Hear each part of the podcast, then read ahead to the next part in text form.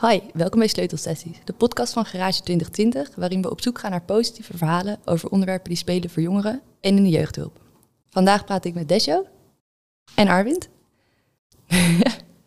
en uh, we gaan het hebben over de jongerengarage uh, en jongerenparticipatie.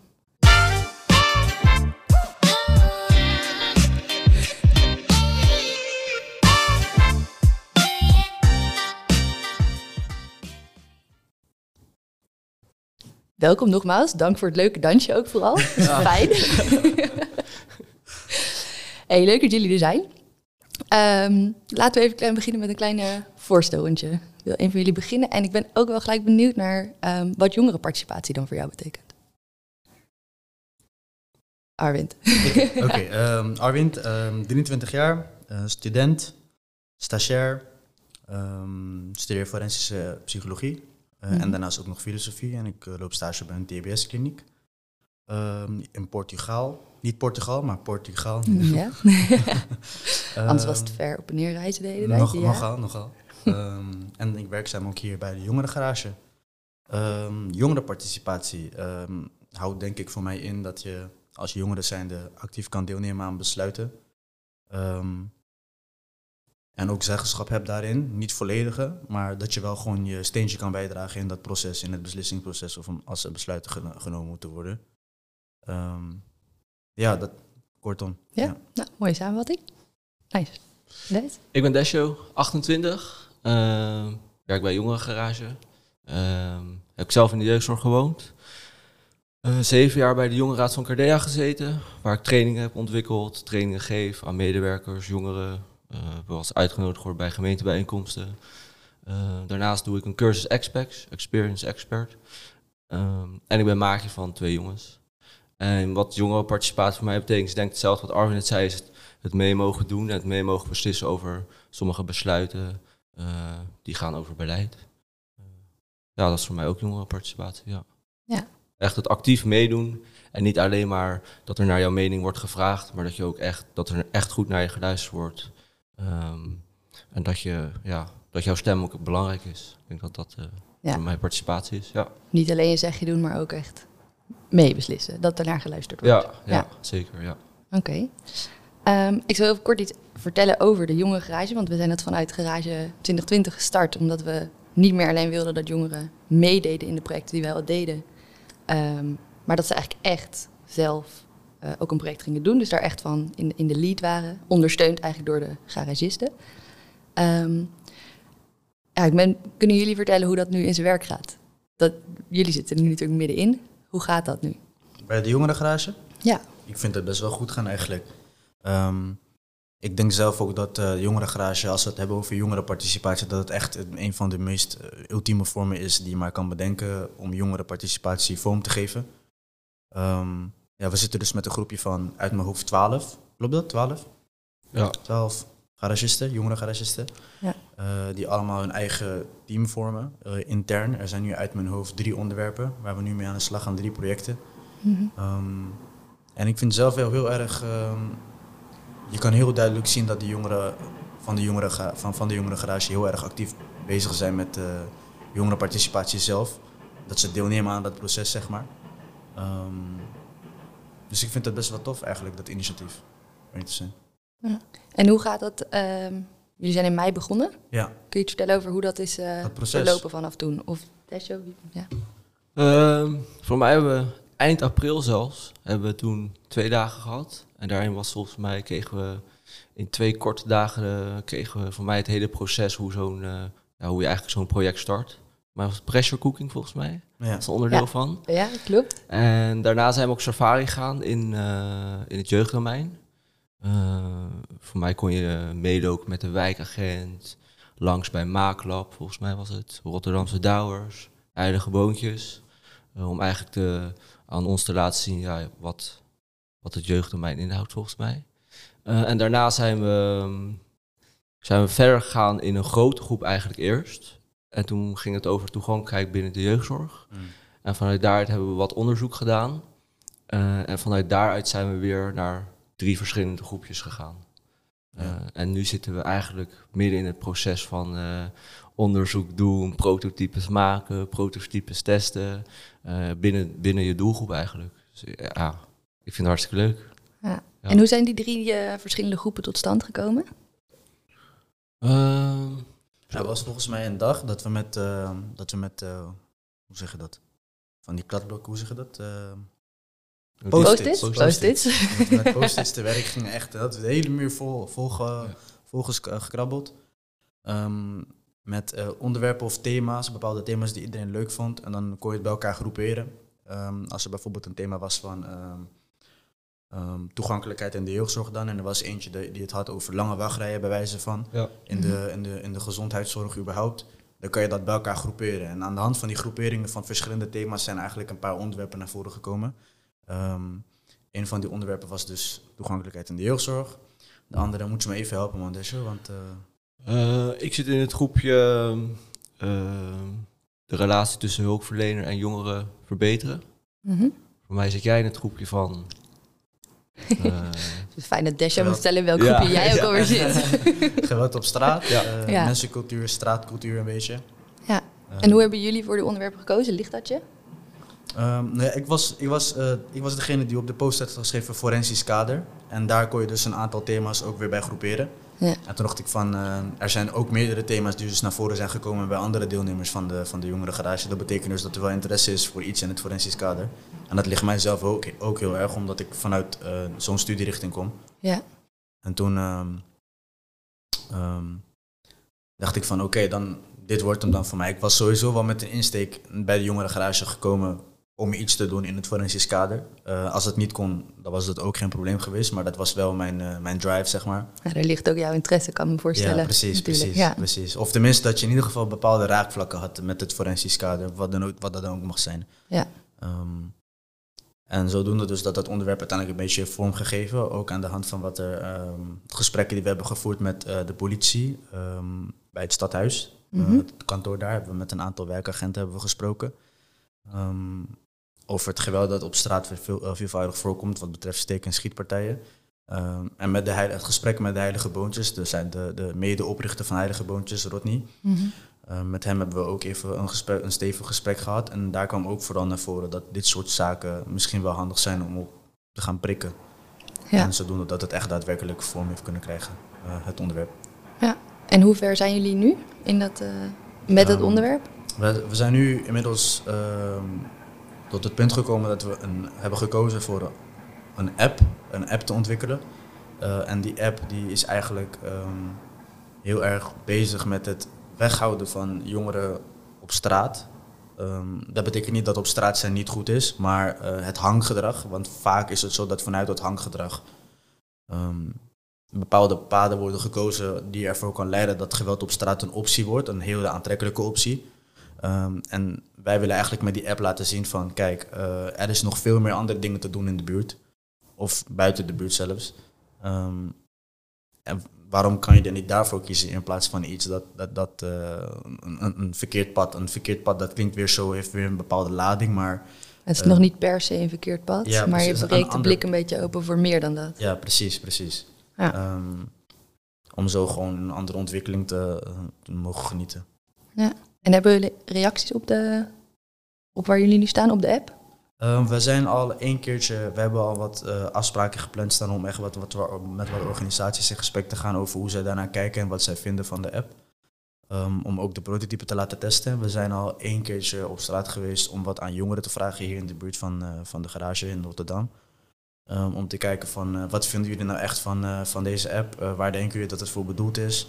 En op zich hebben we van de jongeren redelijk positieve reacties gehad. Ze vonden de app, de vormgeving was leuk, het idee was leuk. Ehm, maar ja, één keer testen zegt natuurlijk ook niet gelijk alles. Maar tot nu toe hebben we wel positieve reacties ge- ge- gehad van daarvan. Ja, en dat, we hopen Nice. dat dat natuurlijk voort, zo, zo voortgaat. Ja, Want je gaat nog verder testen. Ja, ja, ja, ja, we willen nog wel verder testen. Eh, want ik denk dat we met één keer testen nog niet voldoende een goed beeld hebben van wat, het, eh, wat er nou eigenlijk echt gevonden wordt van, ehm, van de app. Maar mocht het uiteindelijk niet een app worden, vinden wij dat ook echt geen probleem. Want uiteindelijk is het de behoefte van de. ehm, we moeten die behoeftevragen beantwoorden en niet wat wij zelf willen. We moeten kijken Ja. wat de jongeren zelf nodig hebben. En als we dan afwijken van de app, kijk, er zit natuurlijk wel veel werk in, maar zo so be it dan. Maar het zou wel fijn zijn als natuurlijk de app ook genomen wordt, want daar staan we ook echt achter. Ja, Maar zo niet, dan is dat ook geen probleem. ja als, het de op, als het het probleem maar oplost. Ja, precies. Ja. precies. Nice, tof. En Desho? Eh, ik begon zelf in een ander groepje. En dat was meer de zelfstandigheid binnen jongeren, binnen de jeugdzorg. eh, die naar zelfstandigheid gaan. Dat vond ik heel interessant, omdat ik daar zelf ook mee te maken heb. Ehm, uiteindelijk zat ik samen met Saad, een collega van ons, zat ik in een groepje. Maar wij zijn allebei ervaringsdeskundigen. En toen hadden we eigenlijk zoiets van, hé, hey, ehm, we waren met z'n tweeën. Eh, en toen hebben we toch gekeken om toch te gaan switchen van groepje. Eh, en nu zit ik in het groepje om de relatie tussen hulpverlener en jongeren te verbeteren. Eh, samen met Kes en Maaike doe ik dat. Mhm. Dus daar zit ik echt, voor mij is dit mijn derde week of zo dat ik erin zit, maar wel super leuk. En ik denk dat daar ook wel ehm, mijn ervaring eh, eh, naar boven komt. Ik ben dan ervaringsdeskundige. Ehm Maaike is een beetje filosoof. Mhm. Ehm, en zij, houdt, ja, zij kan ook goed plannen. Eh, en die is ja, een designer, die kan goed bouwen. Dus ik denk dat dat binnen ons groepje dat dat goed klikt. En tot nu toe hebben we ehm, vijf prototypes. En we hebben nu deze week en volgende week een x aantal interviews staan. Met hulpverleners, maar ook zeker met jongeren. Om te kijken welke prototypes eh, hun aanspreekt. eh, wat spreekt ze dan aan. Eh, en vanuit die vijf prototypes willen we eigenlijk naar één prototype. En dat willen we dan in de komende maand willen we dat prototype wat verder gaan ja, verbeteren. Fine-tunen, laat ik het zo maar zeggen. En Ja. hopelijk ja, kunnen we het ergens implementeren binnen een organisatie. Dat zou natuurlijk wel, ja, dat zou wel mijn ideale doel zijn eigenlijk. Om dat ergens in te kunnen brengen. Ja. Dus het is ook belangrijk, denk ik, om eh, je stakeholders erbij te betrekken. Of goede stakeholders te vinden. Daarmee om de tafel te gaan en te kijken van... Hey, wat kunnen wij voor jullie betekenen? Wat kunnen jullie voor ons betekenen? En hopelijk kunnen, ja, komt daar een samenwerking uit. Ja, Ja, dat is... eh, leuk. dat Hey, wel. en, en je had het al over richting één, één prototype of één idee dus. Ja. En dat moet dus helpen om die relatie tussen jongeren en hulpverlener te verbeteren. Ja. Eh, ehm, is, gaat dat allemaal op hetzelfde moment? Zeg maar, is het tijdens een gesprek of is het over een langere periode? Of gaat het, gaan alle ideeën die jullie nu hebben over iets anders? Ehm, de bedoeling is eigenlijk volgens mij dat, wij het kun, dat je het kan gebruiken, of de hulpverlener, de jongen kan het gebruiken in het begin. Mhm. Ehm, maar het kan het ook helpen halverwege het traject eh, en aan het eind van het eh, traject wat hun hebben met elkaar. Eh, het is, ik denk dat het meer gaat om de vertrouwensband met elkaar te versterken. Jongeren die hebben soms best wel al wat hulpverleners achter de rug gehad. Eh, en het vertrouwen bij sommige hulpverleners, ja, die is gewoon minder. En dat heb ik zelf ook wel eens ervaren. Eh, en wij hopen een tool te kunnen ontwikkelen die juist die vertrouwen eh, vergroot, waardoor jongeren en hulpverleners eh, beter met elkaar door één deur kunnen. En dus ook eh, sneller, of eh, nou, misschien niet sneller, ehm, op een betere manier hun doelen kunnen behalen, laat ik het zo zeggen. Ja. Ja, ik kan me voorstellen dat er straks ook mensen luisteren en denken... ja, maar ik heb al een hele goede band met de jongeren die ik help... of dat doe ik al. Ja. Is het iets wat voor iedereen zou... toch wel voor iedereen zou moeten werken? Of of, eh, Ehm, ligt het aan de jongeren? Eh, Ik denk dat het een beetje 50-50 is. Ik denk dat het een deels bij de jongeren ligt. Veel jongeren hebben natuurlijk, wat ik net al zei, al eh, veel hulpverleners gehad. Moeten hun verhaal weer opnieuw doen. Hebben ze niet altijd zin in of ze hebben een nare ervaring gehad. Eh, en vanuit de hulpverleners denk ik ook eh, het stukje menselijkheid af en toe te laten zien. Dat kan ook zorgen voor heel veel vertrouwen bij een jongere. En dat is niet altijd, eh, en dat snap ik ook wel, dat doen niet elke hulpverlener, vertelt niet elke, ja, ze, ze hoeven niet alles te vertellen. Maar ze kunnen wel kleine dingetjes vertellen van hé, hey, wat heb je dit weekend gedaan bijvoorbeeld. ik had een keer een hulpverlener die was groot Feyenoord-fan, net als ik.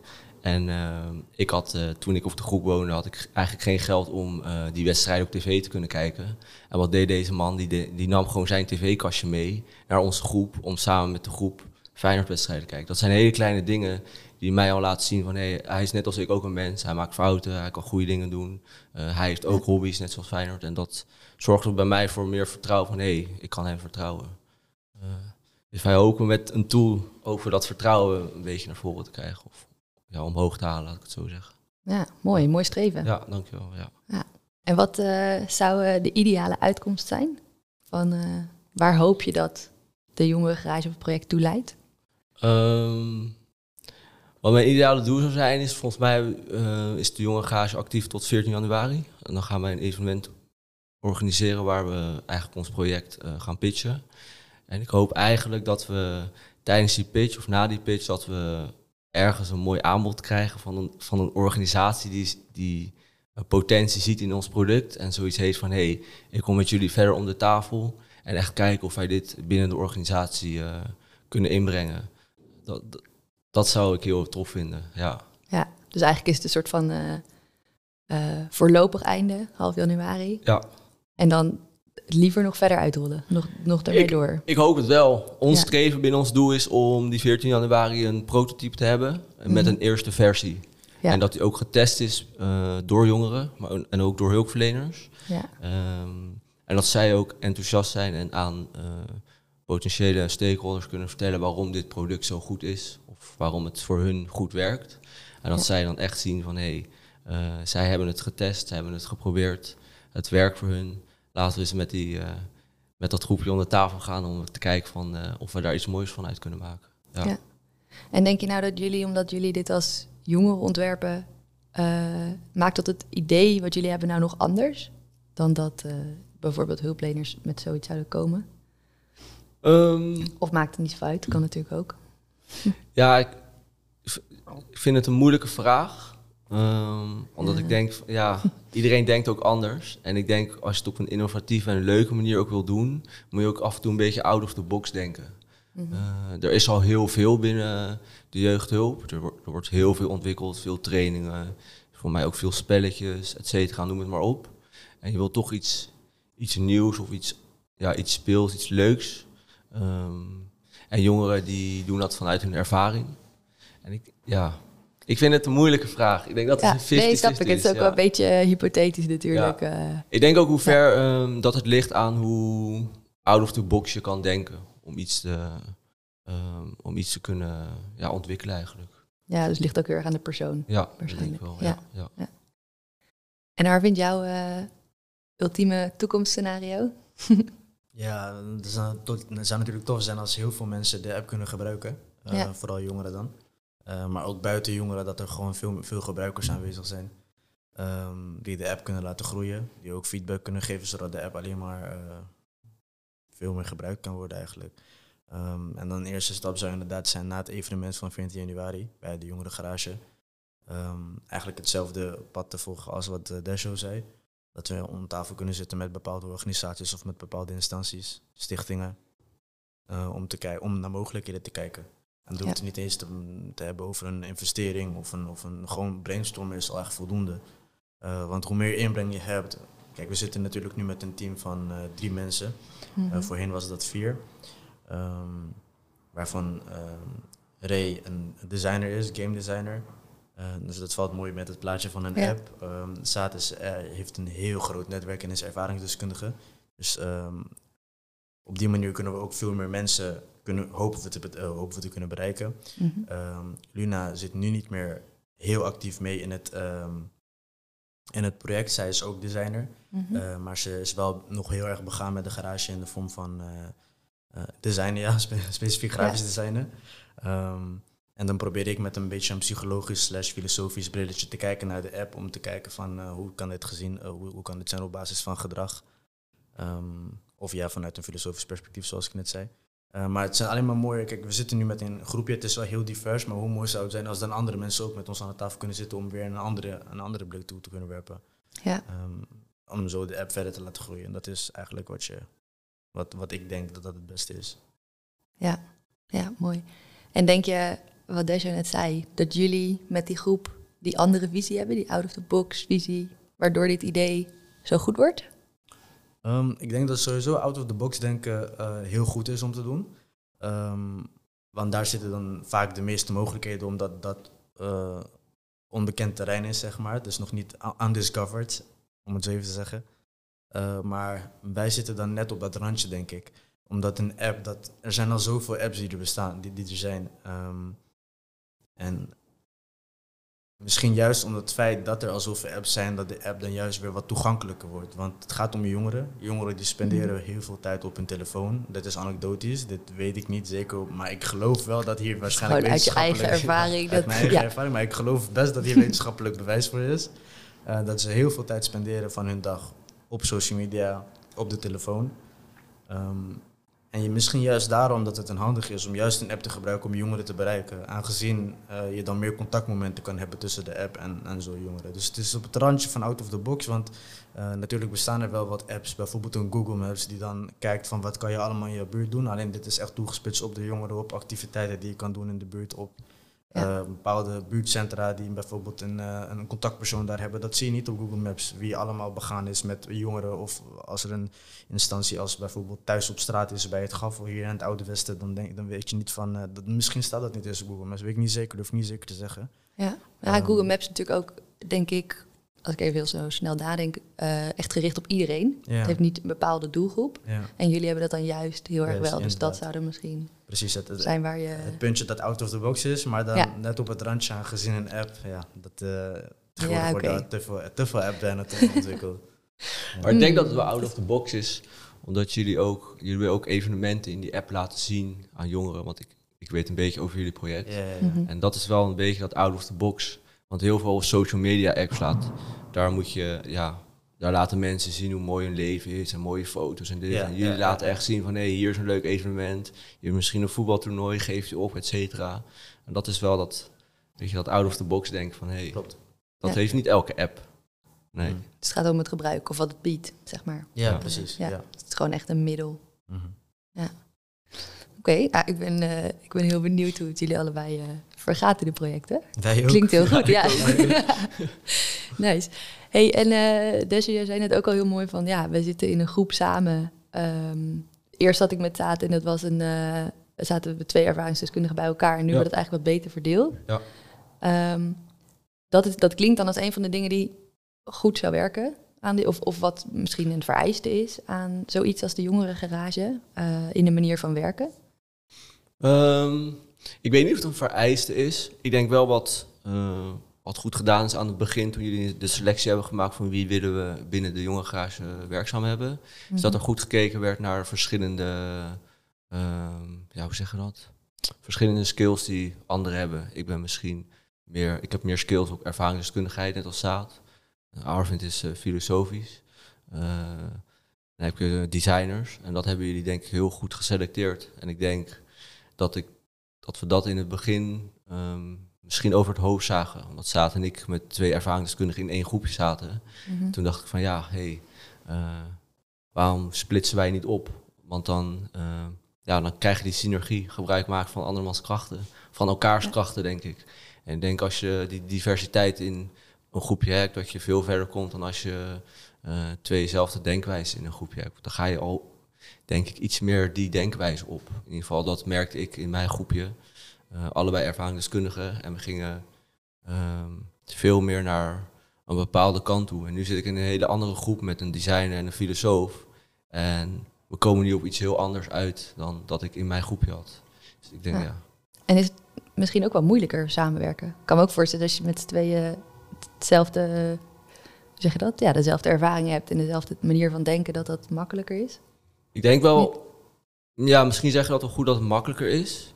Alleen eh, wat ik merkte is dat het mijn denkwijze wel ehm, blokkeerde.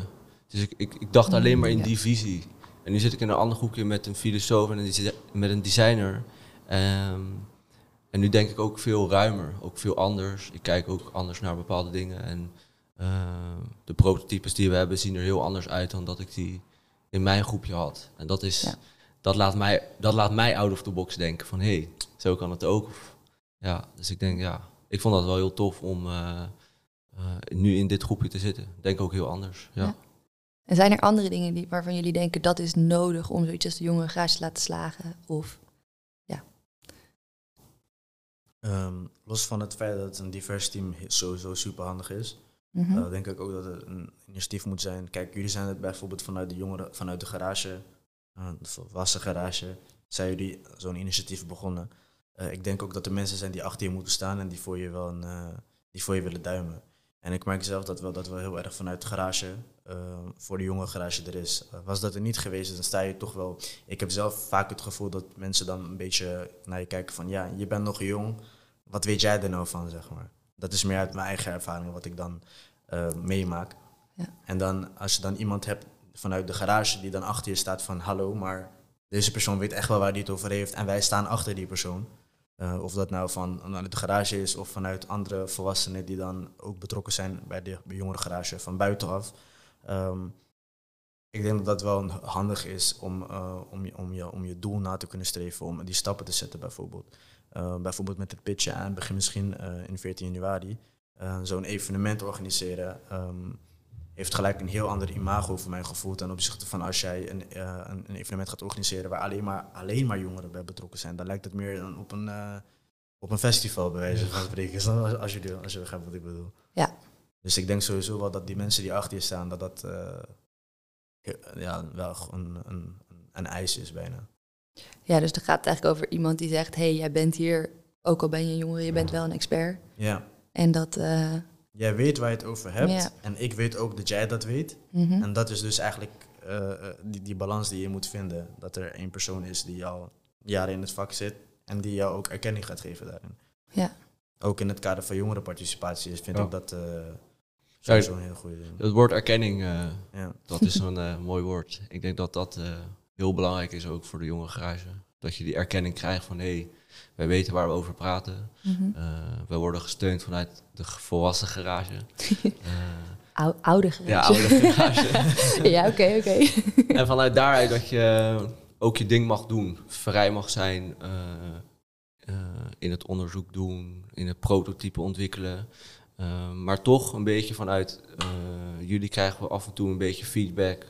af en toe krijgen we nog een workshop. En dat vind ik ook heel interessant. Dus ik denk wat Arvind zegt, de balans daarin vinden is, uh, ja. Maar ik denk zelf ook dat die begeleiding wel nodig is. In de zin Zeker. van, kijk, als jij al door en door uh, dat designproces doorheen bent gegaan, dan heb je misschien wel wat minder begeleiding nodig. Maar je kan van een jongere persoon ook niet verwachten dat diegene dat misschien al nee. 80 keer heeft gedaan, bij wijze van.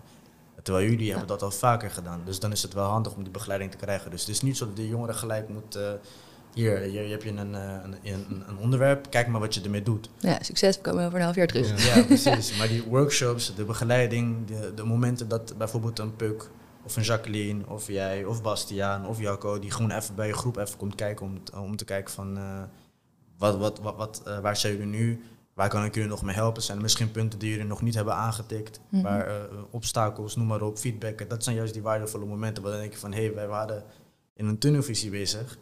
Uh, maar nu zie je, omdat andere mensen vanaf buiten afkomen die al veel meer ervaring hebben erin, dat zij jou ook weer een andere ja, soort van uit die tunnel kunnen halen en dan kunnen laten zien van kijk, er is nog meer dat je kan doen. Ja. Dus jullie hebben eigenlijk de functie die onze app eigenlijk zou moeten doen, laten zien wat er daar buiten is. Maar wij doen het dan in de app. Ja, oké, okay, interessant. hey, en jij zei net ook, vrijheid. Ja, ja ik denk dat het um, belangrijk is voor jongeren om dat ja, zelf te mogen doen. Mm -hmm. En niet dat, maar ik denk dat het in het algemeen zo is. Als iemand zegt, je moet het zo doen of zo doen, dan ga je al gauw averechts het anders doen. In ieder geval, mm -hmm. ik deed dat vroeger en doe dat nu ook wel eens. Als mensen zeggen, je moet ja. het zo doen, denk ik bij mezelf, ik moet helemaal niks. Ja, probeer wel even wat ja. anders, ik zal eens laten zien hoe het ook moet. En, maar ik denk dat ook dat het is van, um, um, ja, je gaat een keer je, uh, je gaat een keer onderuit. Mm -hmm. uh, en dat moet je een keer hebben ervaren, denk ik ook in dit proces, uh, om die andere richtingen weer te kunnen zien. En als je voordat je onderuit gaat al opgeraapt wordt, dan ervaar je niet uh, ja, dat onderuit gaan, uh, de andere richtingen. Dus ik denk dat, ja. Ik denk zelfs dat je meer dan één keer onderuit moet gaan. Ja, denk ik ook wel. Denk dat je vaak juist onderuit ja. moet gaan. Daar leer je ook van. En ook in dit proces. Ja. Uh, en dat is ook een beetje dat vrij mogen zijn in, in, in het doen wat jij waardevol vindt of leuk vindt. Mm -hmm. uh, en jullie sturen daarin heel goed. Jullie geven af en toe feedback. Uh, jullie zeggen niet van jullie, jullie moeten het zo doen of zo doen. Nee, jullie zeggen van hé, hey, ik heb dit wel eens meegemaakt en toen heb ik het zo opgepakt. Dus het zijn eigenlijk tips, feedback. Ja, ik In denk de vorm dat... van eh, advies, zeg maar. Ja. Van, kijk, je kan het ook zo doen. Moet niet, Ja. maar het kan wel. Dus denk daar maar aan. Ja, Slaap er even een nachtje over en dan kijk maar. Uiteindelijk moet je zelf beslissen wat je doet, Klopt. maar dit is mijn ingeving. Ja. ja, dus te denken, stel dat je dit op andere plekken zou invoeren, dan gaat het dus eigenlijk een soort van tussen dat, eh, de vrijheid versus wel hulp bieden, die, die diverse teams. Mhm. Dat zijn eigenlijk dan de belangrijkste elementen. Oh ja, En het, eh, ja, zeg je dat? Iemand echt het vertrouwen geven en de, Jij kan de, dit. de expert Ja, van ja. hier, jij bent dit, jij kan ja. dit, Ja. jij mag hier iets over zeggen. Ja, kijk, we zijn natuurlijk wel studenten. We zijn jong, ja. We hebben misschien niet eh, alles van de wereld gezien, maar dat betekent niet dat we niet onze zegje kunnen doen en dat we ook niet weten waar we het over hebben. Eh, als ik bijvoorbeeld een eh, gedachtegoed heb dat vanuit de opleiding komt, eh, betekent dat niet dat eh, dat gedachtegoed per se verkeerd hoeft te zijn ten opzichte van als een professor zoiets zegt. Want mis- misschien, eh, misschien ehm, delen we hetzelfde gedachtegoed, misschien ehm, kunnen we daarin verschillen. Maar als ik dat kan beargumenteren en als ik daar volledig achter kan staan op een verantwoorde wijze en niet zomaar zeggen van ja, ik vind dit omdat ik het vind, maar ik vind dit omdat puntje, puntje, puntje, dan weet Mhm. ik het waar ik het over heb. Ja. En dan vind ik dat ik het best mee oneens mag zijn of juist eens mag zijn. Zeker, Ehm, ja. ja, dat dus. Ik herinner me iets wat jij eerder ook wel zei van als. Want toen vroeg ik van wat halen jongeren nou uit de, uit de jongerengarage? Dus wat is de toegevoegde waarde? En toen had je het over van je zit als jongere in een grijs gebied. Eh, nog een beetje van jongeren naar volwassen. Ja, ja, ja. In de zin van dat ehm, je hebt zeg maar de puberteit, dan heb je jongvolwassenheid slash adolescentie. Daar is een beetje een, wat discussie over in het psychologisch vakgebied of da- Mhm. waar daar daadwerkelijk de grens in zit. Ja. En dan heb je de volwassenheid. En ehm, vooral nu hier in- in het Westen vooral, eh, merk je wel dat er veel meer ehm, vanuit een, eh, nu ben ik het letterlijk aan het quoten uit, uit het boek hoor, Van- vanuit een individualistisch perspectief wordt gekeken. Ja. Waarbij het gaat om, jij mag wat voor jezelf maken en dat, dat heb jij aan jezelf te danken, zeg maar. Ehm, en doordat je dan zo'n eigen pad mag bewandelen, in plaats van een pad dat eigenlijk al van tevoren voor je is, eh, eh, hoe zeg je dat, Eh, uitgestippeld, Uitgelegd. Ja. ehm, zie je ook wel dat er meer vrijheid is, maar die vrijheid brengt ook veel verwarring met zich mee. Waardoor jongeren van een puberteit van je moet luisteren naar wat ouderen te zeggen hebben, gaan naar de jongvolwassenheid. En denken ze van aan de ene kant wil ik luisteren nog naar wat mijn ouders te zeggen hebben, aan de andere kant, of, of volwassenen, aan de andere kant wil ik volwassen worden. En dus dat is dat beetje dat grijs gebied. En dus je hebt wel de verantwoordelijkheden van een volwassene. Je hebt wel de, eh, eh, hoe zeg je dat? Niet per se het takenpakket van een volwassene, maar je hebt wel een aantal aspecten die de volwassenheid met zich meebrengt. Ja. Maar je mag niet de zeggenschap hebben die een volwassene wel heeft. Om zo even een, eh, een zwart-wit te zeggen. En dan, dat is dus een beetje dat grijs gebied dat er, dat er zit. Ja. Je bent een jong volwassene. Ja, de naam zegt het al. Je bent nog Ja, Ja. jong je bent volwassenen. jong volwassen. Ja, alsof dat een soort van andere status ook met zich ja, meebrengt. En, ja, eh, ja. En ja. ik snap het best wel, want je hersenen zijn nou immers niet zo, eh, nog niet compleet ontwikkeld. Dat gebeurt pas tussen je, uit mijn hoofd, 22, 28, ik kan het ook fout hebben. mhm. Ehm, en dat snap ik dus ook wel, dat je bepaalde zaken niet eh, eh, compleet eh, in de hand kan hebben, omdat je dat niet capabel, volledig capabel toe bent. Maar dat betekent niet dat je niet je zeggenschap daarin mag hebben. Hetzelfde verhaal wat ik net zei van, Ja. als jij weet waar je het over hebt, althans je denkt te weten waar je het over hebt, dan kan je best de discussie aangaan.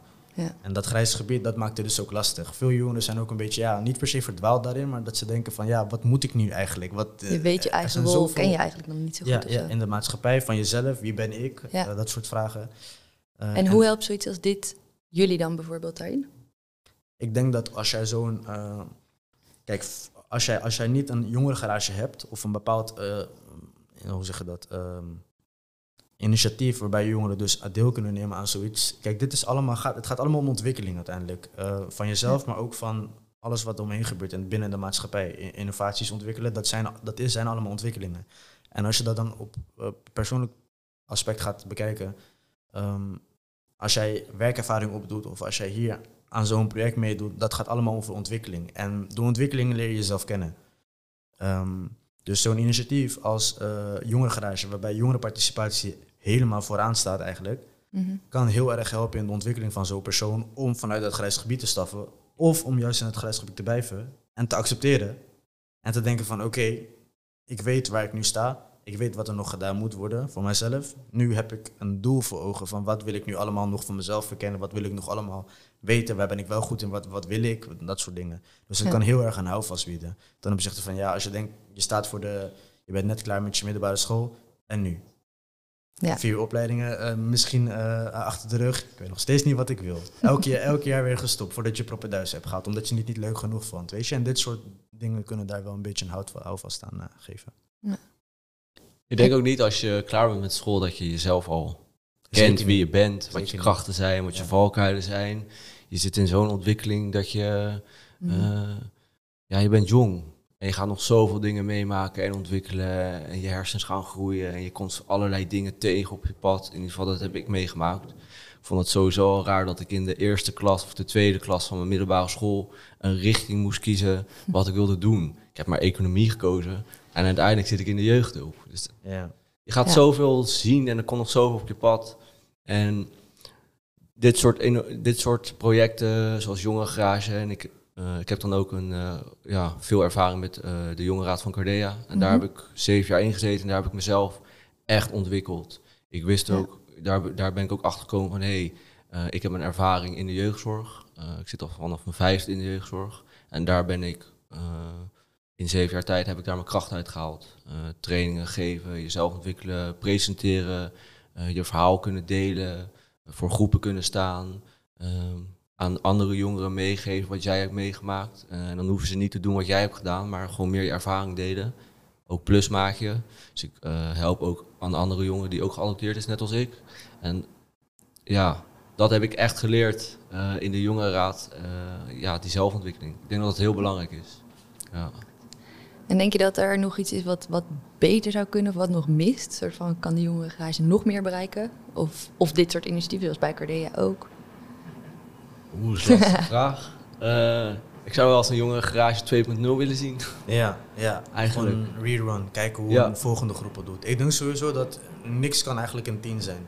Ehm, er was een professor die bij mij op mijn filosofie had gezegd van... eh, ik geef nooit tienen, want als je een tien hebt moet je echt briljant zijn. Wil je echt een tien, moet je echt, een- los van de vraag die er is, moet je nog extra ingevingen zetten vanuit jezelf, die eigenlijk niet gevraagd worden. Ja. Dus een tien kan sowieso bijna nooit. Je kan wel heel dichtbij komen, maar ik denk altijd wel dat er kleine dingetjes zijn die verbeterd vallen. Altijd. Eh, altijd. Als je een 10 Sure. hebt, dan word je te comfortabel, Ja. denk ik. En denk Ja, dat is nooit goed, hè? Dan, moeten we, dan gaan we die fout ook niet meer maken. En da- die moeten we Nee. juist blijven maken, volgens mij. Ja, Ja. juist, Ja. precies. Blijven vallen, Ja. blijven vallen. Maar eh, inderdaad, een tweede run van, eh, van de jongerengarage om te kijken wat een tweede groep dat doet. Want dit is natuurlijk wel een, een groep waarbij, ik vind het heel goed samengesteld. Eh, maar kijk eens even wat eh, een, een groep doet die iets anders samengesteld is. Of die Ja. misschien wat jonger is. Of die misschien wel wat ouder is. Want dat kan, we hebben het over jonge participatie, maar er kan wel wat gezegd worden in de zin van hoe, als je eh, wat jongere personen hebt, dat zij een ander perspectief kunnen bieden. Dat ze op een andere Ja. manier kijken naar het leven ten opzichte van eh jongvolwassenen die wat ouder zijn. Dus die in het eh, laatste gebied zitten tussen dat eindfase jongvolwassenheid, beginfase jong. Ja, want we zitten nu natuurlijk al best wel aan nog net wel een beetje oude kant van jongeren. Zeg maar dat, dat Ja. de jongvolwassenen misschien Ja, bijna ja, meer, ja, zoals ja, het ja. inderdaad zei. Zou ook Ja, nog kunnen kijken naar Misschien als iemand middelbare school, misschien wel kindergarage. Bij wijze van. ja, ik, ik, er- volgens mij is er in, eh, zijn er initiatieven als een kinderburgemeester en dat soort dingen. Dat, Ja. dat- Ja, die bestaan. Eh, dus, en, en volgens mij werkt dat wel goed. Weet ik niet zeker ook, maar. Eigenlijk eens uitproberen hoe dat dan ook weer werkt. Ja, ja. Ja. Dat zou misschien wel tof zijn. Want voor de rest, ik, ik kan op, op het. eh, op dit moment niet echt iets bedenken waar ik denk van eh, nee, dat, dat, dat, dat moeten we niet meer doen bij de jonggarage. Of dat moeten we juist wel doen bij Alles is gewoon goed zoals het is. Je krijgt heel veel vrijheid. Eh, de box, ja, misschien iets langer de tijd geven aan, in binnen zo'n project. Maar ja, hoe lang? Ik denk niet dat je ooit aan een grens Niet te comfortabel worden. Nee. Dat, eh, ja, ja, ja, ja, ja, ja, ja. Ja, je moet wel die pressure cooker hebben. inderdaad. Ja, je moet wel blijven drukken, ja, dat is waar. En als we nou wat vroeg net van waar, wat halen de jongeren eruit, maar en wat, halen, eh, wat kunnen volwassenen nou uit jongerenparticipatie halen? Waarom zouden zij dat moeten inzetten? Ik denk, wat- ik denk dat volwassenen dit moeten inzetten omdat jongeren zoveel ehm, ervaring, kennis en een stem hebben. En ik denk dat het heel belangrijk is, want het, ehm, het gaat over jongeren. En wie weet er nou beter dingen over jongeren dan jongeren zelf. Eh, en die, som, veel jongeren die ik ken binnen de jeugdhulp, die spreken ook uit ervaring. Ik heb Mhm. dit meegemaakt, ik heb dat meegemaakt, ik heb een goede ervaring gehad, ik heb een slechte ervaring gehad. En ik denk dat volwassenen, mensen die werken in het jeugdhulp, die volwassen zijn, die zitten op beleid of een hulpverlener of et cetera, die kunnen juist van de jongeren leren van hé, hey, die hebben dat meegemaakt. Eh, veel mensen die ik, ja, die ik wel eens gesproken heb bij gemeentes, die gaan over beleid, maar die hebben, die hebben totaal geen idee wat er eigenlijk in het werkveld gebeurt. Dat, eh, en wij jongeren die weten dat wel, want ik heb daar gezeten en ik heb daar gestaan. Uh, en dat probeer ik hun ook altijd mee te geven. Uh, en ik, ik ga ze niet uh, de grond in trappen van... hé, hey, ik heb slechte ervaring gehad en dit gaat slecht en dat gaat slecht. Nee, ik probeer juist met hun te delen van... hé, hey, ik heb een goede ervaring gehad, maar ik heb ook minder goede gehad. Ja. En wat hielp bij die goede ervaringen en wat hielp niet bij de minder goede ervaringen. En ik hoop dat ze dan naar me luisteren en er ook echt wat mee doen. Ja. En dat is, dat laatste, daar, daar kan nog wel wat verbetering in zijn. Mm, oké, vooral dat inderdaad echt serieus genomen wordt eigenlijk. Ja, en ik denk ook, uh, ik denk wel dat ze luisteren naar ons. En ik heb heel veel uh, bijeenkomsten gehad bij gemeenten en andere organisaties. En dan willen ze mijn ervaring of mijn mening ergens van weten. En dat vertel ik ze dan. En dan hoor je er eigenlijk niks meer van terug wat ze daarmee hebben gedaan. En dat vind ik dan jammer, want dan denk ik van, die, van ja, hé, hey, uh, onze stem is heel waardevol. En ik denk dat je die juist moet gebruiken. Ja. Want je moet het toch samen doen, hè. Je, je kan het niet alleen doen. Dat, dat nee, heb ik. Dat, dat heb ik ervaren in mijn leven. Je, je kan iets niet alleen doen, denk ik. Dat, nee, dat lukt niet. Nee. Nee, mooi. Wil je nog iets toevoegen of ben je ja, gewoon helemaal eens? Nee, nee, nee, toevoegen, eens ben ik. Uh, maar uh, als toevoeging, volgens mij heb ik dit in het laatste gesprek dat we met z'n drie hadden ook gezegd. Dat ehm, als volwassen zijn dat je heel veel dingen meemaakt in, in dat hele proces naar volwassenheid. En dat als je eenmaal volwassen bent, dat je dan live hits, zeg maar. Je hebt nu een huisje, misschien heb je een familie, je hebt kinderen. Um, je gaat naar werk en dan is het gewoon de steady fase, zeg maar. Je bent gewoon elke dag bezig met hetzelfde dingen doen. Dat is op zich, dat is niet verkeerd. Maar ik denk dat je dan, als je in die workflow zit, of die live flow, om het zo even te zeggen, mm -hmm. dat je bepaalde dingen vergeet van hoe het was toen je jonger was. Uh, je kan misschien wel in sommige Staat er ver vanaf. Ja, ja, je kan in sommige opzichten wel zeggen van ja, ik heb, vroeger heb ik dat ook gedaan. Vroeger ging ik ook naar de sportschool. Vroeger ging ik ook, maar uh, echt die ervaring zelf. Uh, ik denk dat veel volwassenen dat vergaten. En um, om een voorbeeld te noemen, als ik bijvoorbeeld um, uh, iets had gedaan op de basisschool. Ik had bijvoorbeeld een, een, potlood gestolen of zo, weet ik wel. En de juffrouw kwam, of de meester kwam dan naar mij toe en zegt tegen mij... als je ouders je komen ophalen, ga ik het tegen ze zeggen. Doodsbang. De rest van de dag was ik doodsbang. Alsof ik het morgen niet meer zou halen. En ik denk, dat is mij heel erg bijgebleven. Dat ik dacht van, oké, dit zijn situaties die ik moet gaan onthouden. Maar nooit met, het doel, met, nooit met een doel. Maar ik denk nu, als ik later bijvoorbeeld kinderen ga krijgen... dan denk ik van, ik kan nu, als, als ik zo bepaalde dingen tegen zo'n kind zeg... kan ik meer begrijpen wat die impact is. Omdat ik zulke ervaringen van voorheen nog heb kunnen onthouden. Dat als ik bijvoorbeeld tegen een kind zeg van... Um, ik vind het niet leuk hoe je je nu gedraagt. Je gaat nu naar je kamer. Dat ik me kan voorstellen dat zo'n kind zegt van eind van de wereld. Mm. En uh, omdat dus nu even op een heel, vanuit een heel pedagogisch, uh, vanuit een pedagogische bril zeg maar. Maar als je het gaat vergelijken met dan met uh, bepaalde besluiten of bepaalde mood states, mentale staten van jongvolwassenen. dat, dat stukje begrip onderling, dat begrip is er wel, maar nog niet dat complete empathische dat empathisch uh, gevoel, dat moment echt in iemands schoenen staan, dat is uh, een beetje wat ontbreekt vanuit uh, volwassenen, denk ik. Maar je zegt eigenlijk dus dat volwassenen misschien wel geneigd zijn om die ervaringen, zoals die die jij net omschrijft, te vergeten of te vergeten wat die impact is en dat het door dit contact met die jongeren, Misschien dat we even terughalen van, oh, hoe is dat? Of... Ik ben ook jong geweest, dus nu weet ik, inderdaad, nu dat ik weer een gesprek met je heb, besef ik nu weer van hoe het toen voor mij was. want ik merk wel dat ouderen vaak uh, wel het hebben over ervaringen die ze in, eh, in hun jeugd hebben gehad, of toen zij nog jong waren. Mm -hmm. maar dat het meer uh, van die oppervlakkige herinneringen zijn ten opzichte van de, het gevoel ja. dat je daarbij hebt, of wat je echt daadwerkelijk hebt doorgemaakt intern. Als je het echt in je hoofd ja, Daarbij is denk ik ook is sowieso de wereld heel anders en is elke ervaring van elke jongen waarschijnlijk, waarschijnlijk ben jij anders opgegroeid dan ik. dus dat is sowieso ook, ja. ja. mooi, ook mooi inzicht. Um, misschien nog even als, als uitsmijter. Um, je zeiden net eigenlijk al van, goed, misschien moeten we jonge garages, ja, jonge garage 2.0, een kindergarage, we hadden al wat ideeën. Maar um, wat zijn nou daar de, het mooiste toekomstmuziek, het mooiste toekomstbeeld voor zijn? Wat zouden jullie voor jongere garage het liefste voor je zien? Zo, dit was een, uh, een pittige vraag. of een plek waarvan je denkt, daar zou het echt zou je het moeten implementeren of een manier waarop? Of, uh... Mij zou het heel leuk lijken als de Garage 2020 eh, dat er echt een jongere garage komt, die er gewoon eh, standaard is. En ik hoop, en dat, dat is wel het ideaal wat ik in me heb, wat ik denk, is dat de garage eh, een losse organisatie wordt.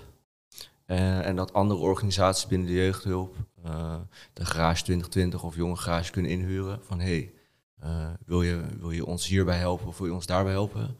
En dat er dan een selectie gemaakt wordt vanuit de garage 2020 en jonge garage. Om mee te denken binnen een organisatie van hé, hey, hoe kunnen we hier op een innovatieve manier eh, een product of een tool ontwikkelen om deze organisatie eh, te helpen. Waardoor we dus ook jongeren proberen te helpen. Is eigenlijk meer samenwerking nog. Ja, ja, Ja. ik ben echt van samen doen. ja. Ik ben niet van tof. alleen. Ik, ik ben Ja. echt van samen doen. En ik denk dat dat, ehm, dat heel waardevol is. Want eh, je hebt jongeren, je hebt volwassenen, je hebt hulpverleners, je hebt beleidsmakers. En als die het nou allemaal samen doen, ja, dan zijn we er toch denk ik. Beter kan het niet. Nee, Ja. weet ik wel eigenlijk. Nee, nee. Maar dat zou, ik heel, eh, dat zou mij heel tof lijken. Om, eh, dat de Garage 2020 een, een losse organisatie wordt. En dat andere organisaties de garage kan inhuren. Van hé, hey, ik wil hierbij geholpen worden of dat. Ja. Ja, dat lijkt me echt tof. Ja. Ja, eigenlijk hoe mooi zou het zijn als jongeren en actief kunnen meebeslissen over bepaalde maatschappelijke zaken. Ehm, ook al zijn ze nog geen 18. Ehm, kijk, ik wil wel vooropstellen dat ik absoluut geen expert ben binnen de politiek. Maar ehm, als je gaat kijken naar eh, vanuit, vanuit een de- democratische bestuursvorm, ehm, zouden de huidige politici volksvertegenwoordigers moeten zijn. Alleen eh, een, een percentage is nog steeds jongvolwassen of jeugd. Uh, maar ik zie geen jeugdigen in de politiek op dit moment. Een jeugdvertegenwoordiger, een jeugdvertegenwoordiger. Hij heeft van die jongere organisaties Dat van is- de partij, maar niet in is de inderdaad politiek. waar. Ja, precies. Ja. Ze, ze zijn er wel inderdaad, maar uh, dat geeft wel aan dat, dat jongere participatie... Uh, dat jongere participatie aanwezig is, ja. maar misschien nog niet uh, in een ultieme vorm. Nog niet compleet, net zoals wat we, wat we hier kunnen zien bij de jongere garage. Uh, het zou mooi zijn als dat soort, uh, dat is maar één klein puntje hoor, van, van wat ultiem zou zijn. Maar als jongere garage een soort van kickstart zou zijn naar andere mogelijkheden voor jongeren uh, in de maatschappij. Buiten Europa, binnen Europa. We gaan heel groot gelijk. A Antarctica. Ja. nice. Nou, ik, uh, ik klinkt als hele goede, hele mooie toekomstbeelden. Ik uh, denk dat we ze mee gaan nemen. En volgens mij gaan we hard werken om het uh, nog meer succes te maken. Zeker weten. Ja. Jawel, jawel. Ik ga me daar wel voor inzetten. Ja, zeker. jawel. Tof. Hey, dank jullie wel voor ja. uh, al jullie input. Ja, bedankt. Dank.